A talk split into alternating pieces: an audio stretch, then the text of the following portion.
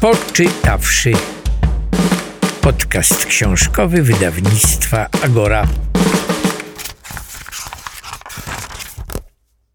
Zapraszam Państwa na podcast Poczytawszy wydawnictwa Agora. Paweł Goźliński, a moim gościem jest Rafał Pacześ. E, stand-uper, e, performer, mm, a od jakiegoś czasu również powieściopisarz. Dzień dobry. E, cześć Rafale. Pretekstem do naszej rozmowy jest premiera twojej drugiej powieści, mm, Ostatni śnieg, ale ja chciałbym zacząć naszą rozmowę od twojej pierwszej książki, Grube Wióry, która e, no, była fenomenem wydawniczym przed dwoma laty, była najlepiej sprzedającą się polską powieścią 2020 roku. A zapraszałeś swoich czytelników do lektury w ten sposób. Zapraszam cię do świata grubych wiórów. Nie szukaj mnie w tej opowieści. Odnajdź w niej siebie, a kto pochodzi z idealnego domu, niech pierwszy rzuci kamieniem. Okej. Okay. E, Kluczowe jest dla mnie zdanie, e, odnajdź w niej e, siebie, które niejako dystansuje się wobec e, treści e, powieści, nie zachęca do tego, żeby czytać ją autobiograficznie.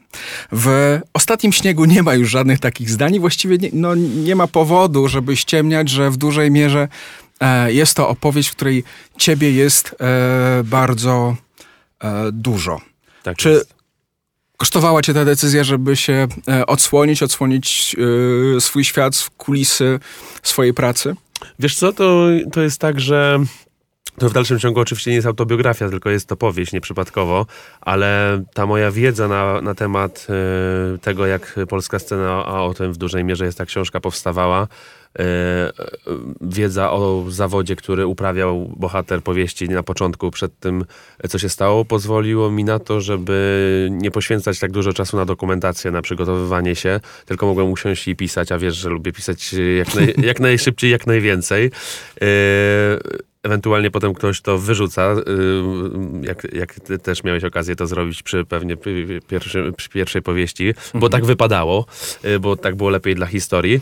Y, natomiast nie kosztowało mnie, ja chciałem, wiesz, to, to nie jest jakby mój, tak jak wspomniałeś na początku, jedyny zawód, ja to robię z chęci, a nie z przymusu, więc chciałem podzielić się z odbiorcą stand-upowym, nie tylko stand-upowym, takimi kulisami pracy komika stand-upera w Polsce. A nie boisz się tego, w jaki sposób zareagują koledzy? Jednak e, nawet nie chodzi o to, oczywiście e, o barwnie opisany świat e, zakulisowo-rozrywkowy, mhm. powystępowy można było powiedzieć. Wszystkie bardzo burzliwe m, afterki, e, tylko też o m, powiedzmy kulisy biznesu. Mhm. O to, że przynajmniej na początku e, funkcjonowania takiego czy też profesjonalizowania się stand-upu w Polsce, no, był to rynek, powiedzmy, no niezbyt e, czystych e, zagrywek wobec I artystów. I nie jest do dziś. nie, nie, nie boję się tego powiedzieć, nie, nie bałem się tego napisać. Yy, I to nie jest też reportaż, to jest powieść, mhm. więc ja, wiesz, jestem dosyć, yy, można powiedzieć, sprytny. Zawsze mogę się yy, wycofać z czegoś, bo to jednak jest powieść. Natomiast absolutnie tutaj pisząc to nie miałem poczucia takiego, że kogoś yy, stawiam w złym, złym świetle.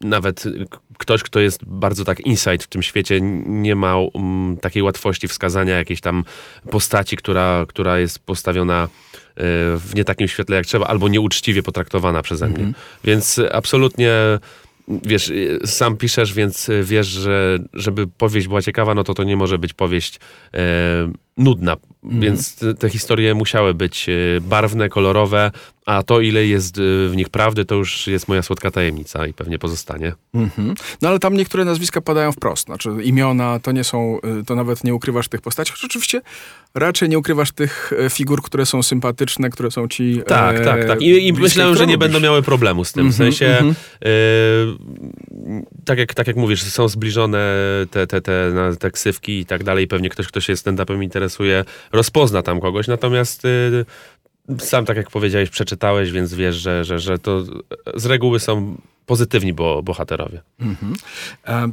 Cała opowieść jest zbudowana na jakby klasycznym motywie, w tym wypadku od e, pizzermana, tak można powiedzieć, e, do bohatera tłumów, który no, występuje przed dziesiątkami tysięcy e, odbiorców, zafascynowanych mm, odbiorców, ale w jakiś sposób między tymi e, barwnymi opowieściami przemycasz również e, własne re, e, refleksje o stand-upie. Znaczy, w pewnym momencie jeden z jurorów pewnego e, konkursu mm, mówi mniej więcej tak do głównego bohatera, pająka. Wiesz, no ty chcesz y, rozbawić e, wszystkich, no ale my, no boha, boha- bohater jest nieco e, rozczarowany tym, że nie dostał nagrody, ale trzeba coś więcej. Trzeba tutaj e, oryginalnego tematu, trzeba e, oryginalnego podejścia, pomysłu. E, czy to jest tak, e, z którym z tych bohaterów, e, czy też z którym z tych, z tych poglądów się e, utożsamiasz, czy też jakoś szukasz pomiędzy nimi jakiegoś balansu? W- Wiesz co, ten wątek się pojawił dlatego, że ja rzeczywiście w swoim zawodowym życiu spotkałem się z takimi sytuacjami niejednokrotnie, że e, w momencie, kiedy jest jury konkursowe na jakimś konkursie, nie tylko stand-upowym, ale też kabaretowym, bo w takich też miałem udział, e, okazję brać Krakowska Paka, znany myślę większości ludzi, e, jest jury, które decyduje i jest nagroda publiczności. I to e, bardzo często jest rozbieżny werdykt. I to jest dla mnie ciekawe. Yy, Ja tutaj nie mam wiedzy, dlaczego tak jest, natomiast wiem, że jest wielokrotnie tak, że coś, co bawi ludzi, niekoniecznie jest yy, wartościowe w oczach jury. I też dlatego dotknąłem tego tematu, bo, bo, bo s- na własnej skórze, wiesz, yy, odczułem, jak to jest nie przejść do finału jakiegoś, yy, jakiegoś konkursu, a potem dostać 95% głosów publiczności w głosowaniu na drugi dzień, więc yy, to, to było dla mnie ciekawe i chciałem, żeby widz też miał pojęcie o tym, że czasami um, jesteśmy oceniani jakimś kluczem, to tak jak Oscary, wiesz, często, często ludzie oglądają film, mówią, czemu ten film ma 12 nominacji, nie? Czemu, dlaczego? No bo jest jakiś klucz, a widzom się podobał inny film, ale tego klucza kapituła ci nie zdradza, nie wiesz tego. Więc yy, ciekawy aspekt według mnie i to nie tylko w branży stand-upowej, ale też ogólnie, gdzie, gdzie ktoś podejmuje decyzję o twoim sukcesie albo, albo jego braku. Mhm. Czy to jest w ogóle e, istotne dla ciebie? Tego rodzaju, tego rodzaju oceny, tego rodzaju potwierdzenia ze strony tak zwanych profesjonalistów, choć trochę z tych profesjonalistów lekko kpisz.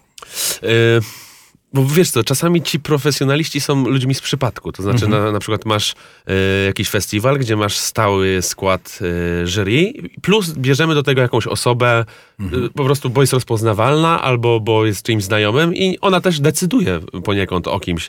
Więc to jest według mnie niesprawiedliwe często i często śmieszne, ale w tym złym tego słowa znaczeniu. Co się, co się dzieje nie tylko w, w branży rozrywkowej, to znaczy przede wszystkim w branży rozrywkowej, ale nie tylko w stand-upie, ale też wiesz, programy telewizyjne. Ja miałem kiedyś propozycję yy, wzięcia udziału w show bardzo znanym, na bardzo znanej antenie telewizyjnej. Miałem otwarcie powiedziane przez, podczas pierwszej rozmowy tele, telewizy- yy, telefonicznej, że, że gdzie, gdzie- ja dojdę, wiesz, jakby w, w, w, będę w półfinale, że to Okej. już będziesz w gdzieś, gdzie głosuje tam publiczność SMS-owo. Więc to, to, to też chciałem pokazać, że, że, że, że są no fejki, że to, to jest taki trochę świat plastikowy i, i, i narysowany, a nie do końca rzeczywisty. No, zresztą y, dot, dotykamy w ten sposób chyba kluczowego tematu tej książki, który objawia się niejako na końcu, bo nie będziemy specjalnie spoilerować oczywiście. No właśnie. ale, e, ale jest to opowieść o kimś, kto e, no, ma problemy ze, ze, znalezieniem się pośród wielu e, ról, które przyszło mu e, grać w życiu i o tym, że ta wielość e, ról wcale nie jest e, niekosztowna i emocjonalnie, e, i życiowo, i pod każdym innym e, względem, nawet jeśli wiąże się z, z, pozornie ze sukcesem. Dokładnie tak. I bardzo się cieszę, że tak zinterpretowałeś i tak to czytać, bo też taki miałem zamiar pokazać e, to, że człowiek, który jest aktorem na przykład, gra w komediach, niekoniecznie musi być zabawny e, w, w życiu prywatnym. Tak samo komik, który no, w jakimś stopniu musi być też postacią, postacią sceniczną, też jest od, od którejś do którejś godziny codziennie zwykłym Kowalskim, który ma swoje problemy, swoje życie i często jest tak, że to życie wcale nie jest takie kolorowe i brokatowe, jak się wydaje ludziom, którzy przychodzą o 19 na show i o 21 z niego wychodzą i mówią, no ten gość ma no bajka, nie życie. To jest nie- nieprawdopodobne. Gada dwie godziny śmieszne rzeczy, bierze kupę forsy i idzie do domu. Y, i taki mają obraz, więc y, też tą powieścią chciałem to y, pokazać. Myślę, że to mi się udało. A już w szczególności u komików, a, a przecież bohater książki jest komikiem, no to mamy mnóstwo przykładów, gdzie wręcz ta druga strona jest bardzo ciemna, bo przecież wiesz, że komicy to jest najczęściej człowiek, który... Najczę- ludzie, którzy najczęściej popełniają samobójstwa i to są ikony Stanów Zjednoczonych i tak robi Williams i tak dalej. Wydaliśmy jego biografię jakiś czas temu. Jest to sp- bardzo smutna historia. A tutaj dowiedziałem się jeszcze jednego aspektu jego e, kariery, mianowicie, że podkradał, Tak. e, podkradał teksty, podkradał e, żarty od początkujących e, komików i sam je wykorzystywał. Wiesz, y, y, są ludzie, którzy to też bardzo ciekawy aspekt, że nie, kompletnie nawet nie przejdzie im przez myśl, żeby, że ktoś mógłby tak zrobić, a, a też zdarzają się sytuacje, pamiętam taką anegdotę, którą mi koleżanka powiedziała, która również występuje, że ktoś jej powiedział, że tam podczas robienia zdjęć, że y, świetny jest taki komik y, me, pochodzenia meksykańskiego w Stanach i moja koleżanka mówi, wiesz co, ale on słynie z tego, że kradnie żarty. I on powiedział, no to widocznie kradnie dobre, bo jest świetny. Wiesz, są ludzie, którym to nie przeszkadza. I to jest przerażające, nie? Robi, no to widocznie dobrze kradnę i, i fajnie. Więc y, to, to, to widzisz, fajna ciekawostka też. W ogóle nie spoilerujemy. ja chyba, Nie, to są wszystko detale. Znaczy, Detale, w gruncie dokładnie. rzeczy przecież to są tylko... Ale e, bardzo ciekawy wątek, wiesz, chciałem przybliżyć, trochę zoomować, sfokusować ten świat y, stand-upu, bo wiem, że ludzie też są ciekawi. Znaczy skąd wiem, bo pytają mnie, zaczepiając mnie na mieście czy w innych miejscach y, o, o takie szczegóły i czytając książkę Ostatni Śnieg mogą troszeczkę wejść, że tak powiem, od strony kuchni do tego świata. No, dosłownie wchodzą od e, strony kuchni, gdyż wszystko zaczyna się oczywiście w pizzerii. E, powiem Państwu, że czytanie tej książki ma swoje skutki uboczne. Obawiam się, że w ciągu najbliższych kilku lat nie zamówię e, pizzy na mieście. E, nie ma takiej opcji. Ale pamiętaj, że bohater później je pizzę. To nie jest tak, że, że został... Ja rozumiem, ja rozumiem, ale jednak pozwoli, że zostanę przy mojej e, decyzji, że będę pizzę robił w Sam. domu ze sprawdzonych Prodiżu. produktów. Prodiżu. Prodiżu, oczywiście. Tak, żartujemy, ale, ale no, ostrzegamy Państwa przed tym, że czytanie ostatniego śniegu nie jest tak zupełnie e, pozbawione Konsekwencji. konsekwencji. Ale dobrze dla linii, wiesz, że jakby fast food, fast food jest, jest zdrowy, więc... Ale absol- absolutnie żartuję, to jest powieść, jest mnóstwo fikcji w tej książce. Mhm.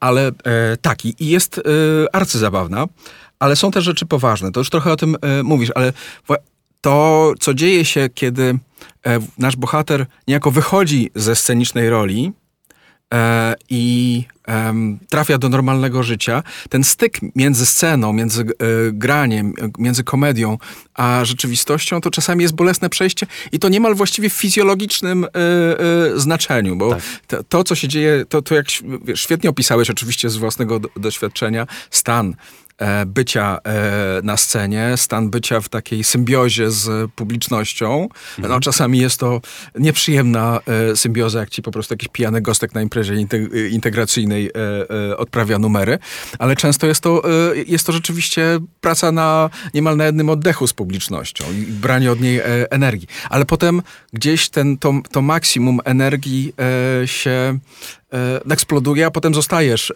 e, zostajesz za, ku- za kulisami, zostajesz na ulicy. E, co się wtedy dzieje?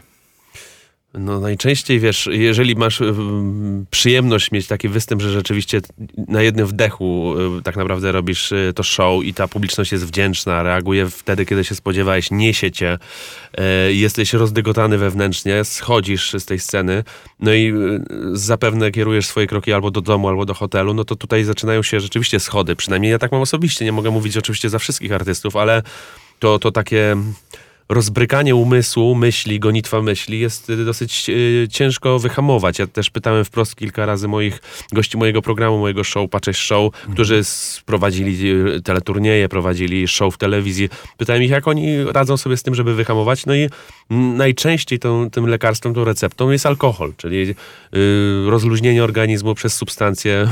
I, i, I tylko, że to w moim przypadku, czy w przypadku ludzi tak pracujących jak ja, kiedy jesteś na scenie naście razy w miesiącu, no to jest bardzo szybka i prosta droga do alkoholizmu, no bo nie możesz y, co wieczór, wiesz, gasić swoich emocji alkoholem. I tutaj się zaczynają schody, bo się zaczyna to, co powiedziałem ci, przez- zanim zaczęliśmy nagrywać materiał, y, z, problemy z bezsennością, wiesz, ten, ten umysł jest cały czas na najwyższych obrotach Ja miałem wielokrotnie problemy takie, że się budziłem w środku nocy, mówiąc monolog na etapie testów nowego programu. Wiesz, to jest twoje być albo nie być. Jakby poprzedni program był tak dobry, że sprzedałeś powiedzmy spodek, więc chcesz, żeby drugi no, nie był przynajmniej gorszy, albo równie dobry, albo naj, jak naj, najchętniej lepszy.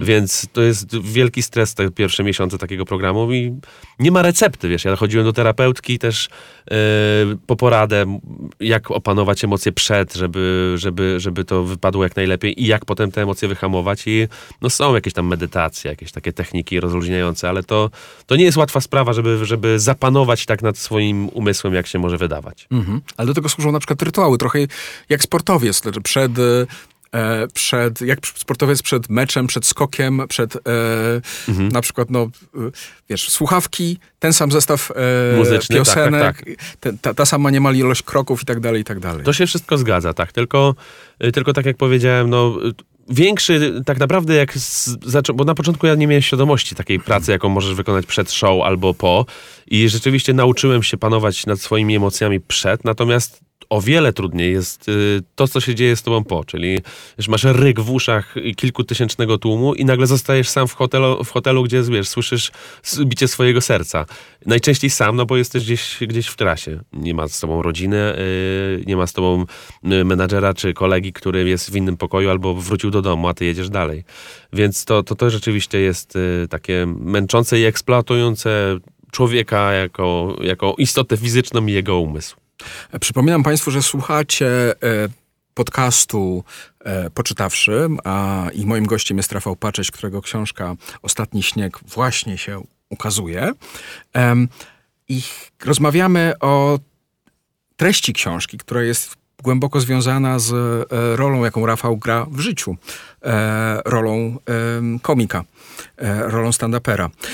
Wiesz, ja myślałem o jednej mm, rzeczy. Mm, Jest taki typ e, stand-upu, w który właściwie, w którym dałoby się opowiedzieć taką e, narrację jak e, Ostatniego Śniegu. Taką bardzo poważną, niemal autobiograficzną. Nie kusiło cię, żeby jakby zmienić, jakby nie, nie powieść, ale właśnie taki e, taki mega osobisty, rozpruwający e, emocje stand-up? Czy Polska w ogóle dojrzała do takiego rodzaju e, już tekstów? Wiesz co, jeżeli chciałbyś zrobić coś takiego, y, to uważam, że po pierwsze musiałoby się to odbyć w miejscu stricte kameralnym, bo nie wyobrażam sobie wyjść na arenę z czymś, y, co niesie jakieś długie przemyślenie, kto, gdzie dążysz do jakiejś puenty, bo wiesz, za tobą jest gość, który stwierdził, że świetnym pomysłem będzie wypić połówkę przed stand-upem, bo zawsze jak na YouTubie cię oglądał, to zawsze do drinka, więc dlaczego by na żywo nie? Więc on będzie ci przeszkadzał, będzie ci rozpraszał ochroniarz, ktoś, kto przechodzi przed tobą, ktoś, kto je, wiesz, chrupki, jak w kinie. Chcesz się skupić, wiesz, z jakiegoś powodu w teatrze nie jesz, a w kinie jesz. To i, I ludzie też nie, nie, często nie czają, że stand-up jest trochę takim teatrem jednego aktora, takim monodramem, bo jednak masz tekst, jednak jesteś na żywo i, i, i, i, co, co smutne, y, też organizatorzy zewnętrzni, którzy na przykład zapraszają cię, powiedzmy, do innego kraju, żeby grać dla, Polo, dla Polonii, nie widzą problemu, żeby, wiesz, był popcorn, były pierogi przed, było piwo, wiesz, to, to, to, dlaczego ma nie jeść w pierwszym rzędzie? No bo, wiesz, musisz się skupić, zebrać myśli tak dalej. Dlatego myślę, że to raz, miejsce, wiesz, jakby każdy, każdy, każde miejsce ma swoją jakąś taką kubaturę, energię, y, coś, co możesz zbudować albo nie możesz zbudować, bo wiesz, ktoś napieprza y, shakerem ci za barem, no i jak masz, wiesz, opowiedzieć coś takiego jak ostatni śnieg, jak ktoś coś grzechocze z tyłu, no, no nie da się tego zrobić. Druga rzecz to jest y, taka, że wiesz, pracujesz na jakąś markę, na jakiś, na jakiś ludzie czegoś się spodziewają idąc na stand-up Rafała Paczesia, czegoś spodziewają się idąc na Abelarda Gizę i czegoś się spodziewają idąc jeszcze na jakiegoś one-linerowca, który y, jest, wiesz, gościem, który ma co do przecinka napisany tekst i ta puenta zawsze musi być taka sama i podana po dokładnie takiej samej pauzie, wiesz, w milisekundach.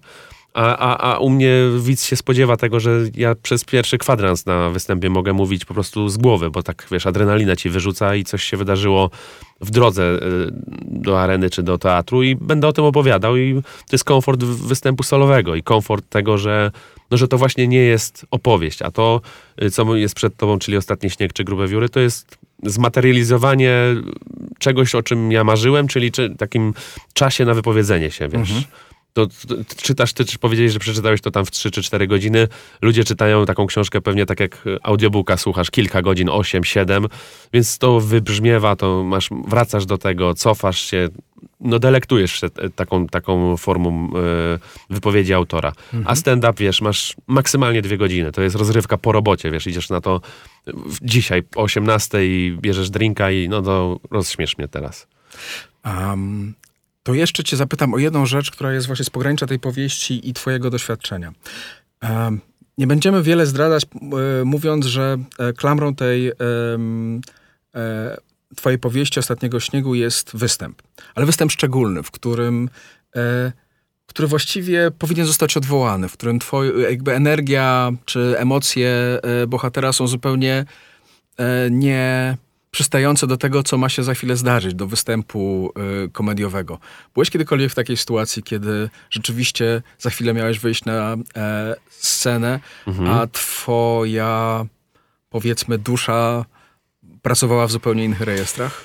Yy, zaraz odpowiem ci na to pytanie, ale jeszcze do pierwszej części twojej wypowiedzi zauważ, że nie wiemy, czytając ostatni śnieg mhm. do końca, czy ten występ to się prawda. odbył to jest, tam jest pozostawione wiele kropek, więc my nie możemy powiedzieć, że no i pomimo tego jakby nie wiemy tego. Natomiast e, jeżeli chodzi o mnie osobiście, to miałem tak na szczęście mało razy, e, ale rzeczywiście pamiętam jeden czy dwa takie występy, że no gdybym mógł, to bym się wycofał, natomiast yy, nie wycofałem się i to i, i trudność takiego występu polega na tym, że ja chciałbym Y, publiczności, która to jest powiedzmy szósta, czy siódma, czy ósma publiczność w danym mieście, miał dokładnie takiej samej jakości odbiorca rozrywkę, jak mhm. ten poprzedni. Jakby on nie ma wpływu na mój dzień, on nie ma wpływu na moją relację z jakąś bliską osobą, więc on powinien za tą samą cenę biletu dostać dokładnie tej samej jakości rozrywkę i na tym się musiałem skupić i tu już się aktorstwo trochę odzywa, bo mhm. nie możesz dać po sobie poznać, że coś jest niehalo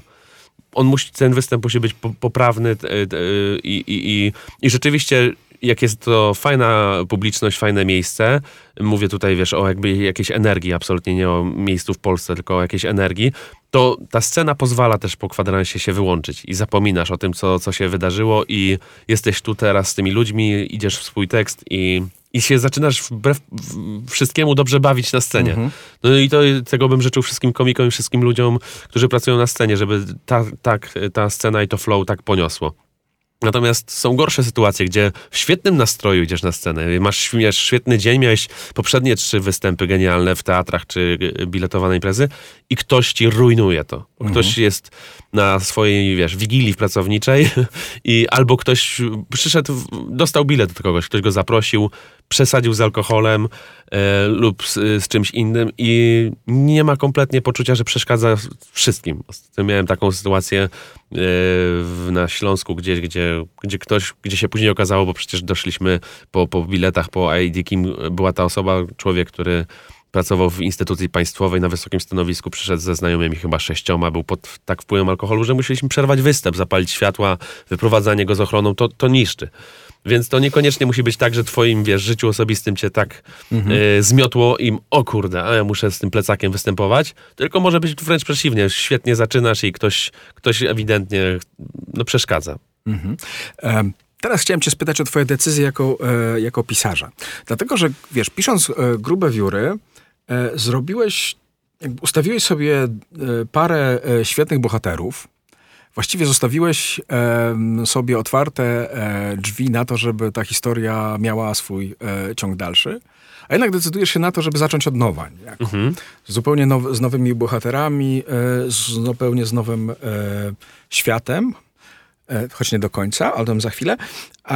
I to jest właściwie można by uznać, że to jest to ryzykowny krok, bo najłatwiej dziś przecież robić seriale, również mhm. powieściowe. Mm. Dlaczego właśnie tak? Mm, u mnie to tak wygląda, że mm, ja mam pomysł, pomysł rodzi mi się w głowie na jakąś y, historię, mhm. y, albo mam jakieś wydarzenie, które mnie po, prowokuje do, do, do napisania na przykład ostatniego śniegu. I jakby nie kalkuluję na zimno, a może lepiej byłoby napisać dwójkę grubych wiórów. Jest oczekiwana, ludzie piszą, czy to jest druga część, czy jakby no, nie zawsze spełniając oczekiwania ludzi, wiesz, robisz im dobrze, mówiąc wprost, i sobie. Mhm. A, a nie zamknąłem, tak jak powiedziałeś sobie, drzwi, piszę, kończąc grube wióry, tam jest otwarta furtka. Ja mogę do tej powieści wrócić za rok, dwa lub siedem, jeżeli będę miał takie poczucie Mhm. i, i potrzebę. A nie wyobrażam sobie, wiesz, pisać czegoś, bo, bo, bo oczekują ode mnie, nie? Yy, więc yy, miałem ochotę napisać to, co napisałem i czuję się z tym świetnie, a niekoniecznie nie wrócę do grubych wiórów nigdy. Może, może urodzi się coś w mojej głowie i wrócę do tych bohaterów i pomyślę, no, a może wyślemy, wyślemy ich tam i zobaczymy, co się wydarzy. Um, ale oczywiście tu nie spoilerujemy znów. E, Są sygnały i e, czytelnicy mm, Grubych Wiórów w ostatnim śniegu znajdą ślady e, niejako krzyżowania się historii bohaterów pierwszej Mhm. i drugiej powieści Rafała. Słuchaj, ale masz jakby nad tekstem i nad książką taką kontrolę, że nawet wymyślasz mm, okładki. One no, są bardzo szczególne, bardzo specyficzne. Mm, ale dlaczego właśnie takie? Dlaczego czarne? Dlaczego rysowane jakby białą kredą? Wiesz co? Mm, Cza, czarny kolor jest, y, jest ze mną y, cały czas, tak naprawdę, odkąd ja wy, wychodzę na scenę y, i też prywatnie, więc mam jakąś słabość do, po prostu do tej barwy. Nie mogłem sobie wyobrazić, jak widziałem jakąś wizualizację grubych wiórów w granacie czy w bieli.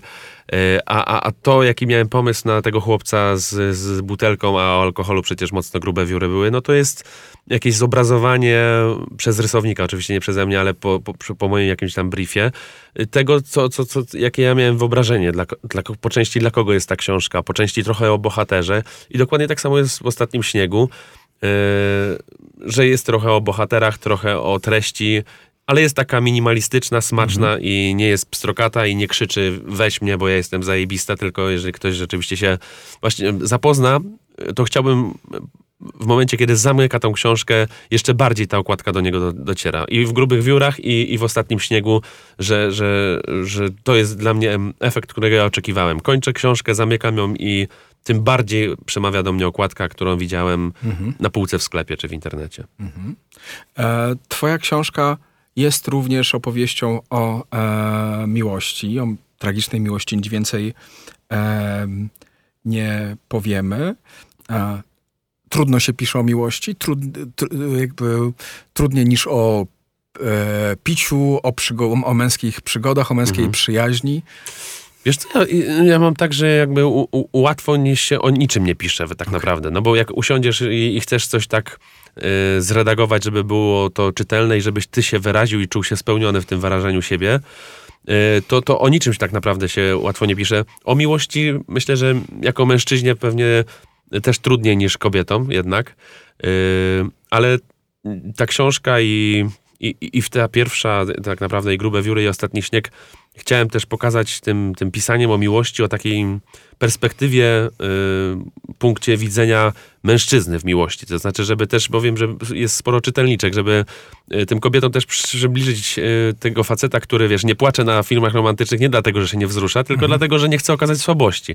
Więc, y, więc to jest fakt trudne, żeby to było niezbyt patetyczne, nie, nie, nie fałszywe, ale takie mówiące o, o tym, jak, jak taki mężczyzna się może w związku, który nie do końca po jego myśli się y, y, układa, odnajdywać. Mhm, Jest to na pewno oryginalne spojrzenie i, e, i trzeźwe bardzo e, na facetów. Ja strasznie Państwu polecam e, i Grube Wióry, a teraz Ostatni Śnieg. Warto czytać te książki, e, a można je na pewno przeczytać jednym tchem. E, zapewniam Państwa. Odbieram jako komplement. Tak, jest to komplement. Dziękuję bardzo.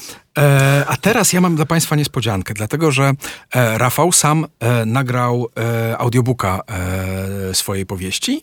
I teraz jeszcze na zakończenie naszego podcastu posłuchacie Państwo i próbki głosu Rafała jako, jako lektora własnej powieści i trochę poczujecie smak ostatniego śniegu. Serdecznie Państwa zapraszamy i dziękujemy. Dziękuję bardzo. Dzięki.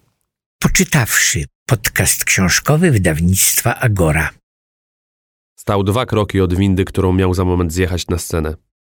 Jack Savoretti śpiewał mu wprost do ucha. Prosił o pochowanie go razem z całym jego wstydem, o złamanym sercu, o kłamstwach i obietnicach. Chwilę wcześniej Caboclo Soniador, a przed nim nie chce więcej Bajora i gdybyś kiedyś palucha. Numer, który niedawno dodał do playlisty. I to już koniec jego muzycznego rytuału. Będzie musiał wydłubać z uszu bezprzewodowe słuchawki, wyjąć mikrofon z tylnej kieszeni czarnych wranglerów i wziąć go w garść. Podobnie jak siebie. Od wejścia do obiektu wszystko robił tak jak zawsze. Tak jakby to był zwykły dzień, jakby nic szczególnego się nie wydarzyło i nic szczególnego nie miało się za chwilę wydarzyć. Zaniósł walizkę do garderoby. Poszedł na scenę. Postał chwilę w ciszy, próbując nie myśleć, że cała obsługa sali, ochrona i przede wszystkim akustycy czekają, aby wreszcie rozpocząć próbę. Im szybciej się skończy, tym szybciej będą mogli pójść na obiad i odpoczywać aż do godziny zero. Podniósł mikrofon do ust, powiedział parę słów i słuchał, jak odbijają się od pustych betonowych ścian areny, by wrócić do niego echem. Na sztuce pójdzie w szmaty! Usłyszał w odsłuchu chrapliwy głos akustyka. Znaczyło to tyle, że ubrania widzów zniwelują pogłos na sali. Wiem, rzucił. Ale chcę jeszcze posłuchać. Jasne. Próba trwała nie więcej niż pięć minut. Dziękuję. Mruknął i oddał mikrofon akustykowi, który stał obok z tabletem w dłoniach. Potem kawa, prasowanie, ćwiczenia na dykcję, kawa, woda, kawa. Spojrzał na kota, który obwąchiwał garderobę. Na pewno nic nie zjesz? szepnął Tadek, wsadzając głowę do garderoby. On tylko pokręcił przecząco głową i wcisnął do uszu białe słuchawki. Trzy godziny minęły jak trzydzieści minut. 18.58. Weszli z garderoby i poszli w kierunku gigantycznej sceny. Podeszli do ekipy stawiającej stage. Ze strzępów radości powszednich los swój tkarz. Śpiewał Bajor. On czuł płomienie na policzkach i zimny wiatr na czubku nosa. Czuł, że jego organizm zaczyna wariować. Spotkał się wzrokiem statkiem, który najwyraźniej dostał od głównego inżyniera dźwięku znak, że są gotowi. Podniósł wskazujący palec i pokazał na swoje ucho. Tadek zrozumiał bez słów. Jeszcze jeden numer. Trzy minuty! krzyknął w twarz akustyka. Tamten przytaknął i odszedł, powtarzając informację do dużego walkie-talkie. Przeskoczył jeden numer do przodu. Czuł, że Bayer, który zwykle pomagał mu się uwrażliwić, rozluźnić, dzisiaj go obezwładnia. Betonuje mu gardło. Paluch to samo. Słowa, które zwykle go motywowały, dzisiaj były jak sól wysypana na otwartą ranę. Przeskoczył dalej na kardio. Może to pomoże mu nie myśleć. Sekundy uciekały. Zwykle wyjmował słuchawki z uszu kilka minut przed startem show, żeby oswoić się z gwarem tłumu. Dzisiaj bał się tego dźwięku bardziej niż kiedykolwiek. Nie doczekał refrenu. Stop. Wyjął słuchawki, włożył do etui i położył obok telefonu i butelki z wodą. Tadek podszedł do niego niepewnym krokiem. Jak jest? Okej. Okay. Skłamał. Minuta? Okej. Okay. Odszedł na bok i zniknął w czerni między kotarami zwisającymi z sufitu. Jego obecność w kulisach zdradzał tylko ekranik mikrofonu, który rozświetlając mrok pokazywał, że baterii wystarczy na 12 godzin. Jak zwykle zaczął podskakiwać, aby wyrzucić z siebie emocje. Czuł, że dzisiaj jest to nie tyle nieskuteczne, ile beznadziejne.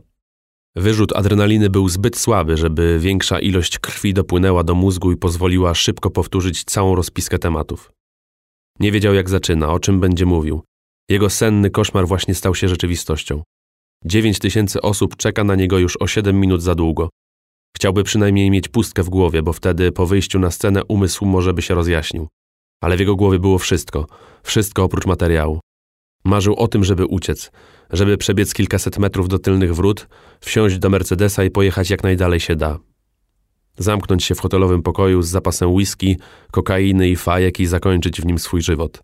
Uwolnić się od swojego ciała, od serca, od głowy. Wyobraził sobie na swoim pogrzebie ojca, Marylę. Maryla na moim pogrzebie? Jakim cudem? Dlaczego ona żyje, a ja nie? Oddałem za nią życie? Czuł, że ogarnia go szaleństwo. Robert, musimy... Tadek wyrósł w ciemności jak z podziemi. Okej. Okay. Syknął. Gardło wciąż było zablokowane. Poszedł za tatkiem w stronę windy, chociaż powinno być odwrotnie, bo to Robert po spędzeniu kilku minut z zamkniętymi oczami miał wzrok przyzwyczajony do ciemności. Widział wszystko doskonale, jedynie obraz tuż pod stopami delikatnie rozmywały mu łzy na tyle łaskawe, by nie spłynąć po twarzy. Wszedł po kilku stopniach metalowych schodów prowadzących do platformy, którą za kilkadziesiąt sekund miał zjechać na scenę. Na trybunach słychać było wyraźnie gwizdy zniecierpliwionych widzów. Pająk? Tadek wszedł dwa stopnie za przyjacielem i wyciągnął do niego dłoń. Robert odwrócił się i przybił mu piątkę. Tadek przyciągnął go do siebie jak nigdy przedtem i mocno poklepał po plecach. Powko! Robert tylko przytaknął głową. Nie mógł wydobyć z siebie słowa, a za chwilę miał zagrać dwugodzinny komediowy monolog. Poczytawszy Podcast książkowy wydawnictwa Agora.